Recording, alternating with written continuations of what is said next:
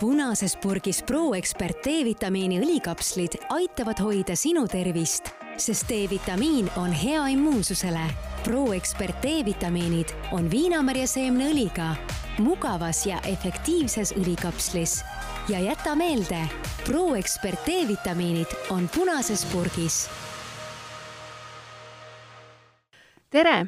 saade, mida te kuulate, on Elustiil ja minu nimi on Teele nagu te sissejuhatava klipi järgi juba kindlasti, ma arvan, aru saite, siis me räägime täna jah, tõesti D-vitamiinist ja kuigi selle tarbimisest on äh, hakatud äh, siin viimase, ma arvan, kümne aasta jooksul järjest rohkem rääkima ja kõik teavad, et D-vitamiini tuleb võtta, siis äh, ikkagi palju on nagu sellisest segadust, et, et kui palju võtta, millal võtta ja kuidas võtta. ja täna ma loodan, et äh, meie saade loobki selles osas äh, selgust ja meil on stuudios äh, medõde Kati Undrits Regionaalhaiglast. tere, Kati! tere! kas üldse on oluline D-vitamiini taseme määramine vereanalüüsiga?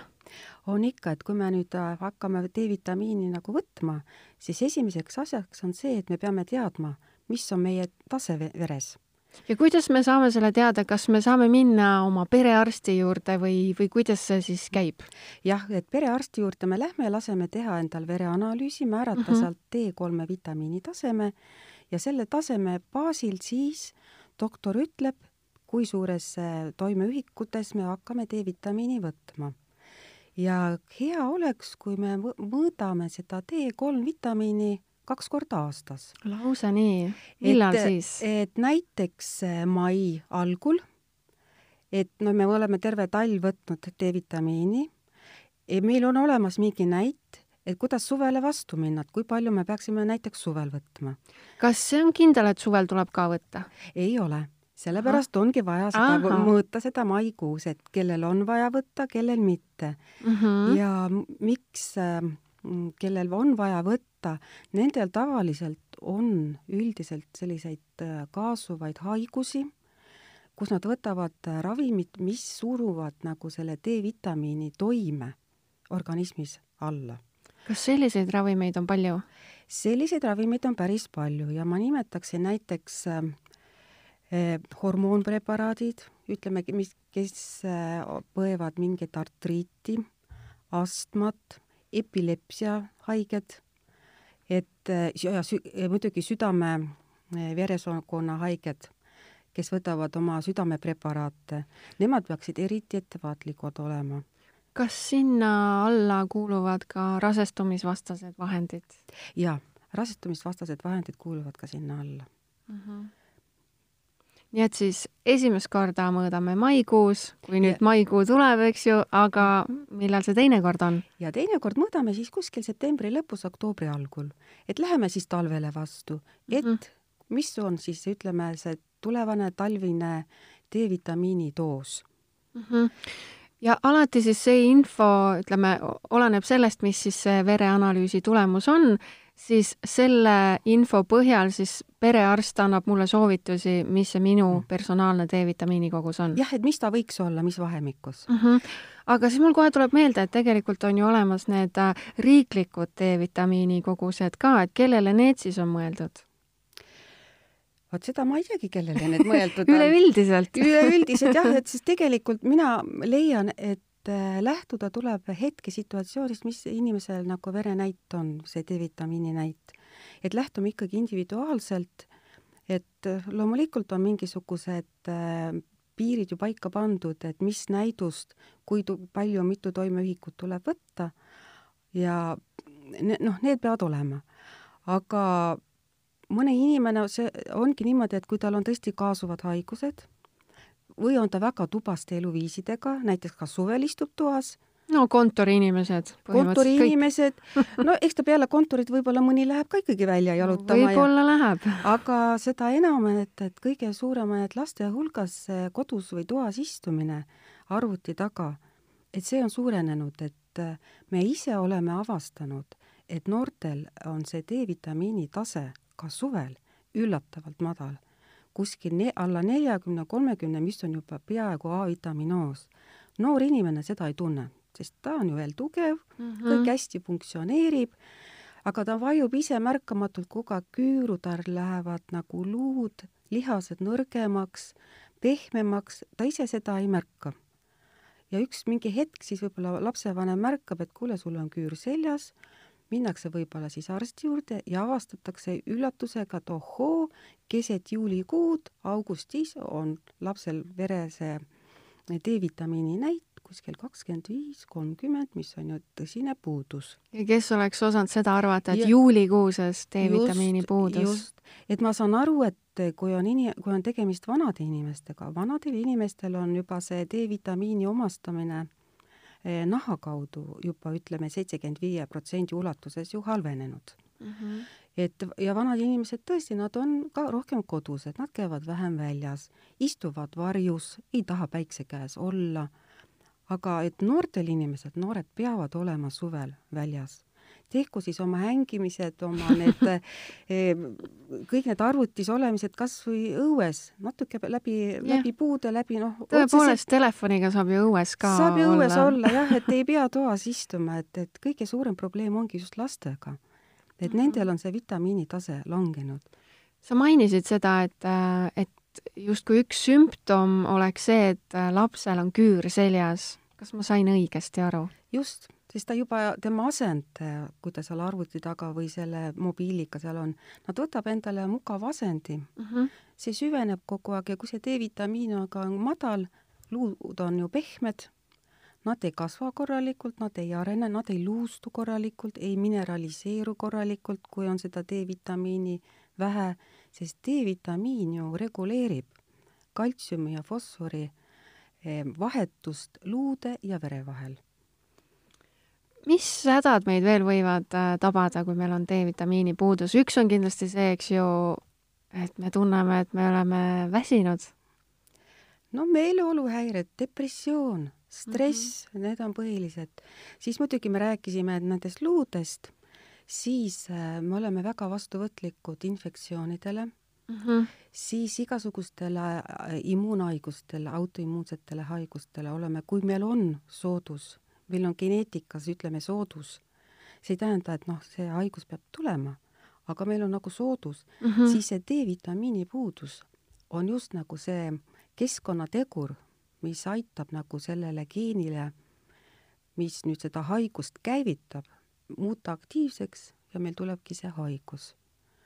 ja siis muidugi infektsioonid, et näiteks ma nimetaks kohe ära ühe immuunsüsteemi raku või jah, immuunsüsteemi rakku, makrofaag, mis toodab ise ühte valku, katelitsidiin, mis on hästi tugev mikro, mikroobivastase toimega mm -hmm. ja eriti, mis on ülemiste hingamisteedega seotud, sealhulgas ka tuberkuloos. kellel on, ütleme, see vitamiin D tase normaalne, need põevad palju vähem ülemiste hingamisteede infektsioone. Nad põevad palju vähem äh, äh, ütleme, et need äh, kasvajatesse haigestumine on ka nagu mitte vähe tõenäolisem, vaid nagu nad on rohkem kaitstud nagu selle eest mm. -hmm. et nad ei haigestu sellesse. ja kui on juba, juba kasvajad inimestel, no ütleme, on uuritud rinnavähi, eesnäärmevähi kasvajate puhul, kui see D-vitamiini tase on normaalne veres, siis nad alluvad palju paremini ravile ja ka nende kasvaja suurus on väiksem. et see on nagu kasvajate puhul väga ülioluline.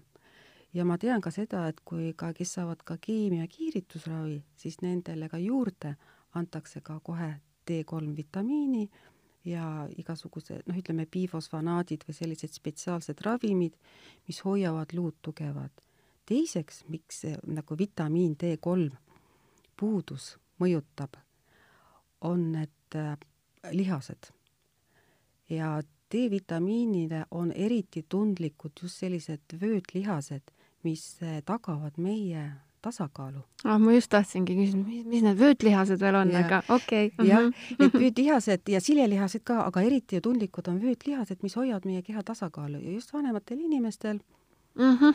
et neil on, tehti pearinglused tekivad, noh, ütleme oma südamehaigustest või mingitest muudest teistest haigustest, et see vitamiin D3 aitab hoida ka need lihased tugevatena. sest tahes-tahtmata, mida vanemaks me muutume, seda nõrgemaks meie lihaskond muutub ja seda vähem meid ka lihaskonda on. ta lihtsalt atrofeerub, ta lihtsalt taandareneb. see on paratamatus, see juhtub meie kõigiga. ja mis ma veel tahtsin rääkida, miks see D3 vitamiin nüüd kellele veel ülioluline on? inimesed, kes tegelevad aktiivselt spordiga.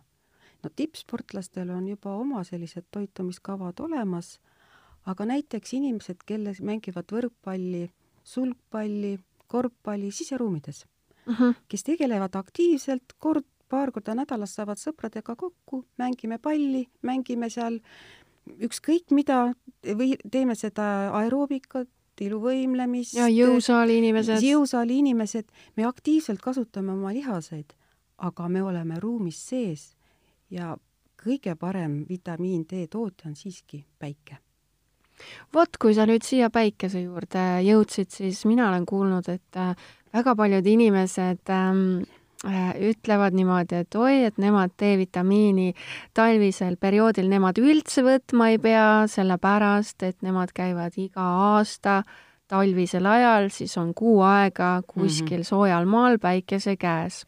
mida sellisest põhjendusest arvata?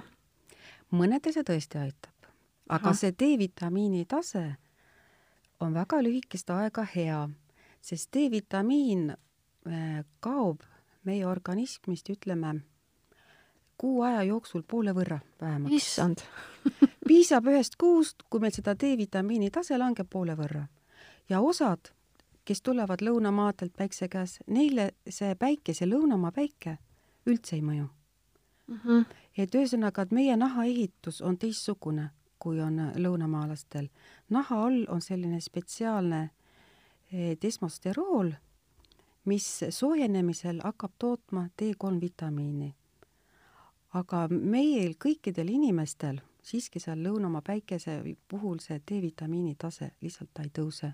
kas seal võib olla see teema ka, et, et kui me kasutame ohtrasti päikesekaitsevahendeid, et mm -hmm. siis see kuidagi takistab äh, D-vitamiini imendumist, et ühelt poolt jah, me kaitseme küll oma mm -hmm. nahka, aga me ei saa ka seda vajalikku D-vitamiini kätte?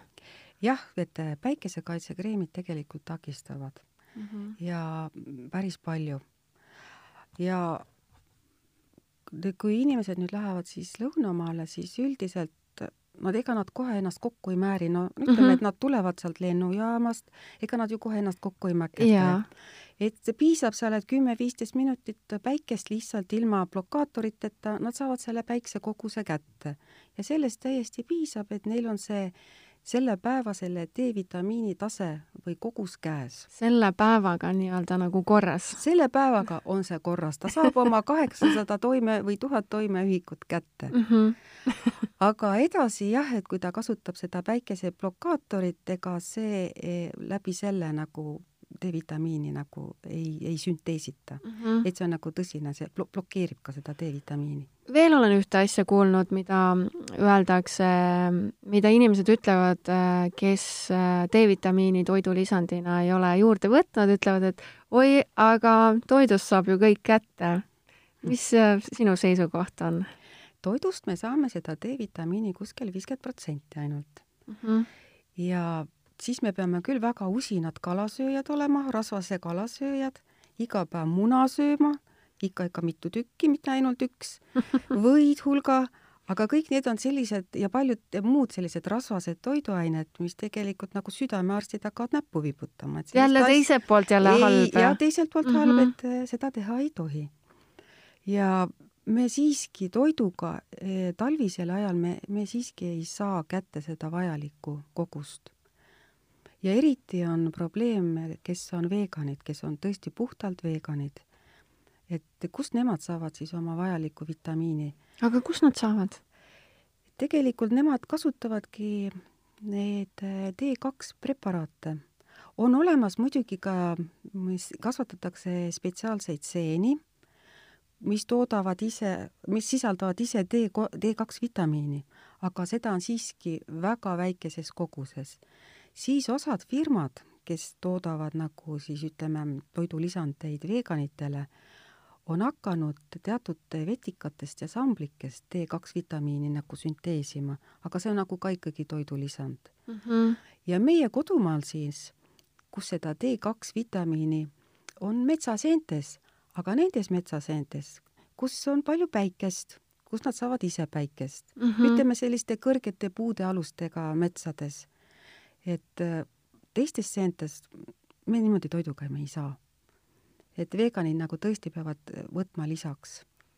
äkki nemad peaksid isegi tihemini oma D-vitamiini taset äh, mõõtma? Nemad peaksid tihedamini mõõtma ja kusjuures ka D2 vitamiin, mida ütleme noh, veganid kasutavad, e, see nüüd kaob, kui inimene lõpetab selle D2 võtmise, siis see kaob organismist juba kümne päevaga ära. Nii et äh, usinasti tuleb toidulisandeid veganitel süüa, D2 sellised teadmised siis ja, täna. jah, sest D3, nagu nad on, kui nad on tõesti, et äh, loomse toidu vastu mm, -hmm. D3 on ainult loomsetest toitudest ja. saab, siis äh, tõesti nemad peavad nagu jälgima siis seda, et oma seda D-vitamiini taset ja ma isegi soovitaksin võib-olla kas kuskil kahe-kolme kuu tagant mõõta mm. -hmm. ja kui see tõesti püsib ja inimene kasutab ühte sedasama, ütleme, sööki, toit on tal kogu aeg ühesugune ja kui ta on nüüd paar kuud mõõtnud endal seda D-vitamiini taset ja see püsib normaalsena selle toitumise juures, siis edaspidi ei pea nii tihedalt mõõtma, sest siis on juba meil juba nagu nii-öelda screen itud või välja mm -hmm. sõelutud siis see, ütleme, see toidu see, ütleme, mitte kogus, aga mis, mis sööki ta peab sööma, et tema D-vitamiini tase püsiks veres normis? Sa enne põgusalt äh, mainisid ka seda immuunsuse poolt äh, D-vitamiini tarvitamisel, aga, aga mul tekkis siit selline küsimus, et äh, milline on hea D-vitamiini tase, et, et see immuunsus oleks siis tugevam ja, ja milline on D-vitamiini tase, et, et kaltsium imenduks siis äh, paremini? ma alustan sealt tagantpoolt, et alusta. et see, et kuidas see kaltsium, et, et kaltsium imendub ju bensooles ja, ja D-vitamiini abil. D-vitamiini tase peab siis vereseerumis olema alates kaheksakümmend nanomooli liitris mm. -hmm, mm -hmm. alla selle see kaltsiumi imendumine langeb kohe kõvasti, et veensooles äh, ta imendub kümme-viisteist protsenti. kui see D-vitamiini tase on normis, siis see imendumine tõuseb kohe kolmkümmend, viiskümmend protsenti ja fosfori imendumine, mis on ka väga oluline nõude tihedusele, see on lausa seitsekümmend, kaheksakümmend protsenti. nii et see ütleme, see alampiir peab olema ikkagi kaheksakümmend nanomooli liitris vitamiini D3 tase. nüüd, mis see ideaalne on? ideaalne, mina isiklikult loen ideaalseks e, ja normväärtuseks ongi sada kuni sada seitsekümmend viis nanomooli. et see on selline mm, D-vitamiini tase, kus me peame küll seda D-vitamiini talvisel perioodil küll lisaks võtma, aga me võtame seda profülaktilises annuses, et see tase püsiks mm. -hmm. ja see profülaktiline annus ongi kuskil tuhat, tuhat viissada toimeühikut.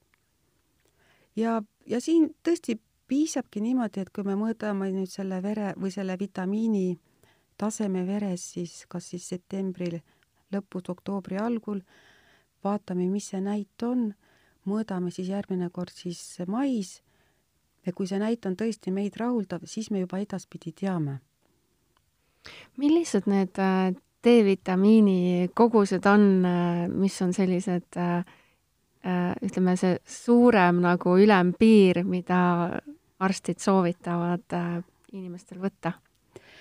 kui näiteks suurem ülempiir on siis, kui see vitamiin, kui on tõesti A-vitaminoos. jah ja A-vitaminoos meil on kõige madalam näit olnud ainult seitse nanomooli. kas siis inimene on veel elus üldse? ja see on noor inimene veel olnud, väga noor inimene kahekümnendates aastates okay., kes õpib üli, õppis ülikoolis. ja siis tegel... õhtul oli raamatukogus oli kogu aeg arvutis ööpäev läbi, ma üldse imestasime, et ta oli nii hea tervise juures, ta tegi oma lõputöid. tõesti, ja tal oli energiat selle jaoks? ei, ta ei olnud, ta oli küllaltki noh inimene harjub mm. -hmm. et see ei tule nagu äkitselt, see väsimus ja, ja stress, et organism on tegelikult väga hästi kohandunud, et ta tasapisi, see langeb, D-vitamiini näit langeb ja tasapisi ka organism kohandub sellega.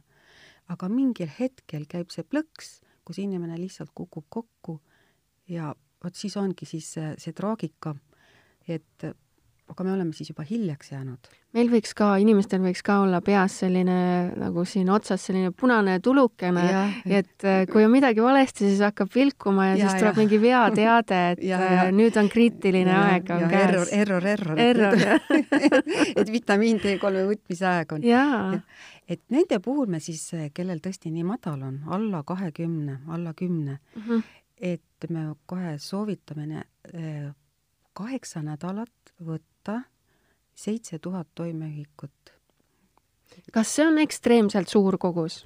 see on ekstreemselt suur kogus, see on tõesti A-vitamiinoosi korral mm. -hmm. see on tõeliselt raviannus, see ei ole profülaktiline annus, see ei ole selline säilitusannus, see on tõsine raviannus aga mis siis juhtub näiteks, kui ähm, nüüd äh, inimene mõtleb, et ahah, ei no ma tunnen ka ikka, et ma olen väsinud ja ma olen ka siin raamatukogus ja ma teen mm -hmm. ka siin lõputööd ja perearsti juurde mm -hmm. väga ei viitsigi minna, et ahah, nii, nüüd ma kuulsin, et siis seitse tuhat IU-d kaheksa nädalat järjest mm -hmm. ja siis jätabki selle perearsti juures käimise etapi vahele mm -hmm. ja hakkab siis äh, tarbima sellist suurt äh, ekstra kogust. mis temaga juhtuda võib? Ta võib saada üledoosi mida see tähendab siis? üledoos on, tegelikult üledoosi sümptomid on enam-vähem samad, kui on aladoosi sümptomid. nagu enamus, eks ju, vitamiinide just, ja, ja mineraalainete puhul. et meeleoluhäired, depressioon, ala, alakõhuvalud, iiveldus, oksendamine, segasuse hetked on inimesel, siis äh, tekivad äh, kuna D-vitamiin reguleerib ka kaltsiumi ainevahetust mm, -hmm siis tekivad eh, kaltsiumiladestused pehmetes kudedes. Ja luudes tõmmatakse kaltsium ära, tekivad kaltsiumiladestused südames, neerus, lihastes, nii et eh, see on juba päris eluohtlik seisund, et tekivad eh, neerupudulikkus, maksa fibroos võib tekkida seal tsüliaakiad ja ühesõnaga me ise rikume ära oma seedetrakti mm, -hmm. oma südame, oma neeru.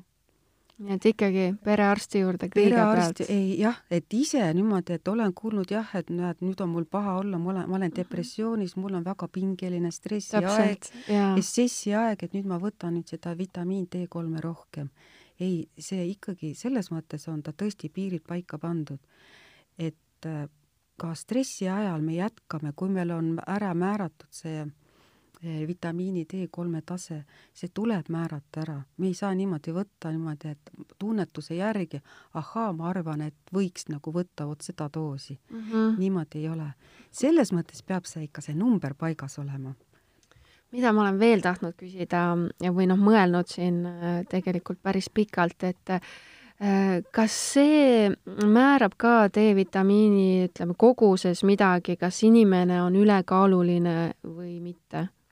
ülekaalulisus on suur, ütleme, mm, näitaja selles mõttes, et ega see D-vitamiin ju kogunebki meil säilitusena lihastesse, verre ja raskudekoesse.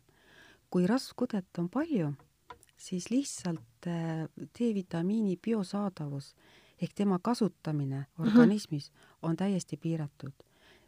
D-vitamiin iseenesest, ta taandatakse neerudes ju eh, hormooniks. D-vitamiin käitub organismis kaltsitrioolina ehk see on neerudes toodetud eh, hormoon D3 vitamiinist mm. -hmm. ja eh, sellega nüüd mängida ei, ei, ei tohi.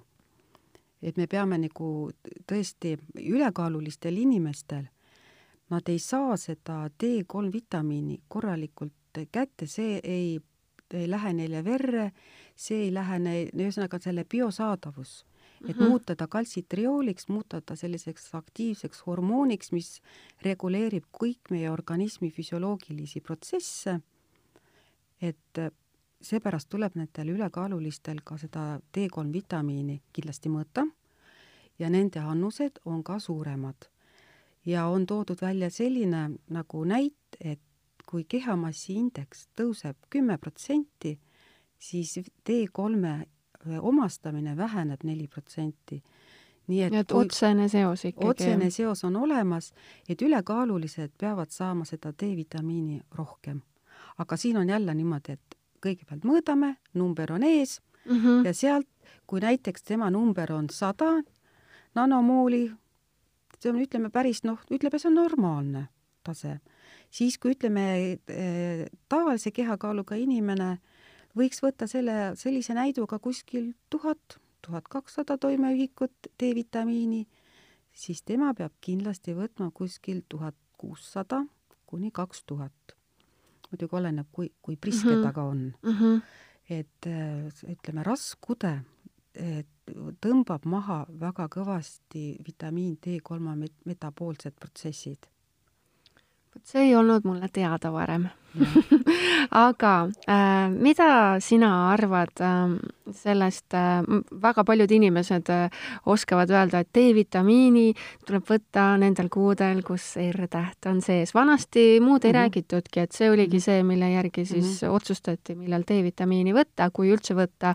kas see on nüüd kuidagi iganenud informatsioon? ei see on täiesti õige informatsioon ja see nüüd tugineb sellele, kuidas meie päike liigub mm. -hmm. et eh, talvisel perioodil päike liigub madalalt, ütleme, et tema langemisnurk maapinnale on ürinurk, madal, et ta üldse maapinnani jõuaks ja meie nahani, ta läbib väga paksu osoonikihi. ta ei tule otse alla, nagu ütleme, on seal ekvaatori juures, et päike on seniidis, ta langeb otse alla, see osoonikiht, mida ta läbib, see on õhuke aga meie oleme kuskil siin viiskümmend üheksa laiuskraadil, meil see päikesekiir läheb läbi osoonikihi diagonaalselt, ühesõnaga ta läbib päris paksu selle osoonikihi ja osoon peab seda ultraviolettkiirguse kõvasti kinni ja maapinnale jõuab päris vähe. see on üks asi. teine asi on see, et äh, kui ka päike paistab näiteks veebruaris, meil on veebruaris ilusad päiksepaistelised ilmad, aga õhk on külm. aga et meil nahas nüüd seda D-vitamiini toodet, tootma hakatakse, selleks peab olema nahk soe. aga nahk ei ole oh, soe. või niimoodi ka veel. nahk peab olema mm. soojenenud, siis see nahaalune spetsiaalne kolesterool ehk desmosterool hakkab tootma sellest päikesest D-vitamiini. ennem ta seda ei tee, kui nahk on külm ole kui palju tahes, sa võid isegi näost pruun olla mm, -hmm. Aga ega see ei tähenda, et sinu D-vitamiini tase, üldine tase organismis tõuseb. no milline pettumus muidugi. täiesti pettumus jah, et ah või nii, mulle meenus äh, Tervise Arengu Instituudi äh, soovitus ka, mida nad juba mhm. kahe tuhande viieteistkümnendal aastal ütlesid, et et D-vitamiini tegelikult võiks Eestis aastaringselt võtta, et äh, see soovitus on ka täitsa pädev see soovitus on täitsa pädev, et sellepärast ma nagu see ongi see maikui-, kuune see ongi see mai, maikuine, et, et, et kui, kui sa tead oma elustiili, kui sa oled selline sportlik inimene, kes näiteks õues väga palju liigub, teeb mm -hmm. ujub, rattasporti, mida iganes, aiatöid, ja siis ta ei pea võtma lisaks seda D-vitamiini. aga kui ta on ikkagi selline toasistuja, siis ta siis ta peab seda D-vitamiini ikkagi, ütleme, selles säilitusannuses ehk siis sada, kaheksasada kuni tuhat toimeühikut ikkagi on soovituslik. ja muidugi siin ongi ka selles, et kas sul on ka kaasuvaid haigusi, kus sa kasutad pidevalt mingisuguseid ravimeid just, ja mhm. eriti mm -hmm. siinkohal need äh, äh, rasestumisvastased vahendid, mida paljud inimesed ei pea ravimiteks, aga siiski mm -hmm. nad ju on tegelikult nad on ja nad suruvad maha tugevasti D-vitamiini metaboolse protsessi mm. -hmm. et just see, et ta ei saa tegutseda hormoonina. okei okay. äh,. Oletame, et äh, nüüd on perearsti juures käidud mm -hmm. ja on saadud see tulemus ka kätte ja on saadud teada nüüd see äh, kangus, et äh, kui palju siis seda D-vitamiini päevas äh, võiks tarbida. nüüd järgmine loogiline samm on, eks ju, inimene läheb apteeki yeah kuidas ta sealt nüüd peab valima endale kvaliteetse D-vitamiini, kas on mingid nipid, mille järgi saab otsustada, et mi-, milline nendest on nüüd äh, see kõige parema kvaliteediga või noh, kõrge kvaliteediga? tegelikult ega siin kvaliteetide vahes ei ole, siin on ka nagu eh, kasutusmugavus ja maitse küsimus. maitse mm -hmm. küsimus sellepärast, et D-vitamiin on eh, me eelistame ise, kuna ta on rasvlahustuv vitamiin, et siis me ise eelistame, et kas ta on siis kapseldatud yeah. või on ta siis õlitilkadena ja siin nüüd tuleb mängu see, et eh, kui inimesele näiteks mingi õli maitse ei meeldi, näiteks oliivõli maitse ei sobi, kookosõli, kanepiõli, millesse on ta nagu D-vitamiin pakendatud e,, vot siis ta, ta saab ise valida, missugune maitse, kas ta võtab kapslina, kas ta võtab tilkadena, mõnele ei loe mitte midagi, ta ütleb, et ta tilgutab oma leiva peale selle oma need äh, õlitilgad ära ja sööb selle leivakese ära. ja tilgut, tehtud. tehtud, mõni tilgutab kohe keele peale, ütleb, et temal ei ole vahet, mis, mis maitsega, mis õli see on, on see kookos, on see kanep. ja tegelikult see tilgakogus on ju imeväike. ja tilgakogus on imeväike, teda see üldse ei häiri mm. -hmm. mõned on ületundlikud ja mõned on ka allergilised, et need ütlevadki, et tõesti, et noh, et see läheb, süda läheb pahaks selle õli maitse peale mm. -hmm. on ka spreid, aga need on ka põhimõtteliselt nagu õli, õlina. et ongi niimoodi, et missugune maitse nagu meeldib vahepeal mul meenus veel üks küsimus, mida ma tegelikult tahtsin juba alguses küsida. kui äh,, ütleme, kui me nüüd võtame lapsed mm, -hmm. äh, mis east alates tuleb hakata juba andma D-vitamiini? siin on nüüd äh, väga erinevad arvamused et öeldakse kohe niimoodi, et vastsündinule nagu tuleks hakata andma. just, ma olen ka seda kuulnud. et rinnapiimaga nagu ema, ema rinnapiimaga laps nagu küllaldasel koguses seda D-vitamiini ei saa. on ka olemas ka teised arvamused, et kui ema raseduse ajal korralikult võtab D-vitamiini, siis on tema rinnapiimas ka küllaldaselt seda rin-, seda D-vitamiini ja ta jätkab seda võtmist ka imetamise ajal. et siis on justkui okei okay.? et siis justkui on okei okay,, et miks me siis sellele lapse veel anname, et no niikuinii need lastearstid kontrollivad kindlasti ka seda D-vitamiini taset, aga kui ema korralikult võtab, see imendub ilusti rinnapiima ja laps saab seda rinnapiima kaudu ja kui ema toitub normaalselt, see on väga oluline mm, -hmm. et rinnaga toitev ema sööb korralikult et ei tee mingisuguseid dieete, no eriti veel, kui ta vegan on, on siis, siis on eeldatavasti, peab ka lapsele andma juurde, juurde. D-vitamiini. ja need annused, ütleme, on nelisada, see maksimum, nelisada toimeühikut e,. aastasele lapsele võib juba anda kuussada ja ütleme üks, kaks, kolm, neli sellistes vanuses. aga on ka hea, kui kui see mõõdetakse. et me ei võta lihtsalt seda umbes jälle, umbes jälle laest, et noh, igaks juhuks anname talle. igaks juhuks ütleme, et D-vitamiin on, nagu ma ütlesin, ta ikkagi organismis käitub kui steroidhormoon ja sellega tuleb olla ettevaatlik enne kui me saate lõpetame, kas sul on anda mingisuguseid selliseid äh, nippe, kuidas on kõige targem, kuidas on kõige parem võtta D-vitamiini? mina näiteks olen kuulnud niisugust asja, et äh, ei ole väga hea võtta koos kohviga.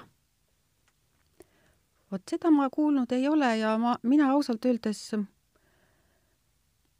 ma isegi ei oska sellele küsimusele vastata, kas kohviga võib võtta või mitte, ei või, et mina võtaksin üks päev võtad kohviga, teine päev ei võta kohviga, võtad leivaga või võtad lihtsalt niisama, et ma arvan, et kui sa paar korda kohviga võtad, et ega sul see ei lange siis kohe nii, et, et, et, et sa ei omasta seda osade puhul ma olen veel kuulnud sellist asja, et ähm, et äh, kui nad võtavad õhtul D-vitamiini, et siis nad ei saa magada hästi. seda ma ei ole kuulnud. no näed vaata, kui seda palju ma... asju ma sulle räägin, mis kõik kuulda on sest sellepärast, et ei ole nagu leitud põhjendust, et miks ta peaks takistama magama jäämist. ta, ta ei sisalda midagi sellist. huvitav. et siis võib põhimõtteliselt võtta D-vitamiini millal iganes päeva jooksul mi, peaasi, et võetakse. absoluutselt, ükskõik millal sellepärast, et no mis ta on, ta D-vitamiin on D-vitamiin, ta hakkab organismis alles eh, muutuma, ütleme, aktiivseks eh, hormooniks ja, ja ja inaktiivseks hormooniks. ütleme, et ta muud, muudetakse maksaks ja maksas algul kaltsitiooliks, see on selline inaktiivne säilitus. vitamiin D3, mida me veres mõõdamegi mm -hmm. ja mida me säilitamegi siis lihastes ja, ja veres ja, ja rasvkoes ja neerudes muudetakse siis osa kaltsi, kaltsitiooli kaltsitriooliks ja see on nüüd väga aktiivne hormoon, sellepärast ma ka rõhutan, et mõõtke oma tase ja selle järgi alles määrame selle D-vitamiini koguse. mitte nii, et võtame nipsti laest, et mul on täna väsimus, et võtan siis järelikult on mul see, mõtlen ise oma selle taseme ja võtan siis vot nii palju võtan ja ProExperdi D-vitamiinid leiate kindlasti kõikidest apteekidest ja nende veebipoodidest. aitäh kuulamast ja tšau! kõike head! Punases purgis ProExpert D-vitamiini õlikapslid aitavad hoida sinu tervist, sest D-vitamiin on hea immuunsusele. ProExpert D-vitamiinid on viinamarja seemneõliga, mugavas ja efektiivses õlikapslis. ja jäta meelde, ProExpert D-vitamiinid on punases purgis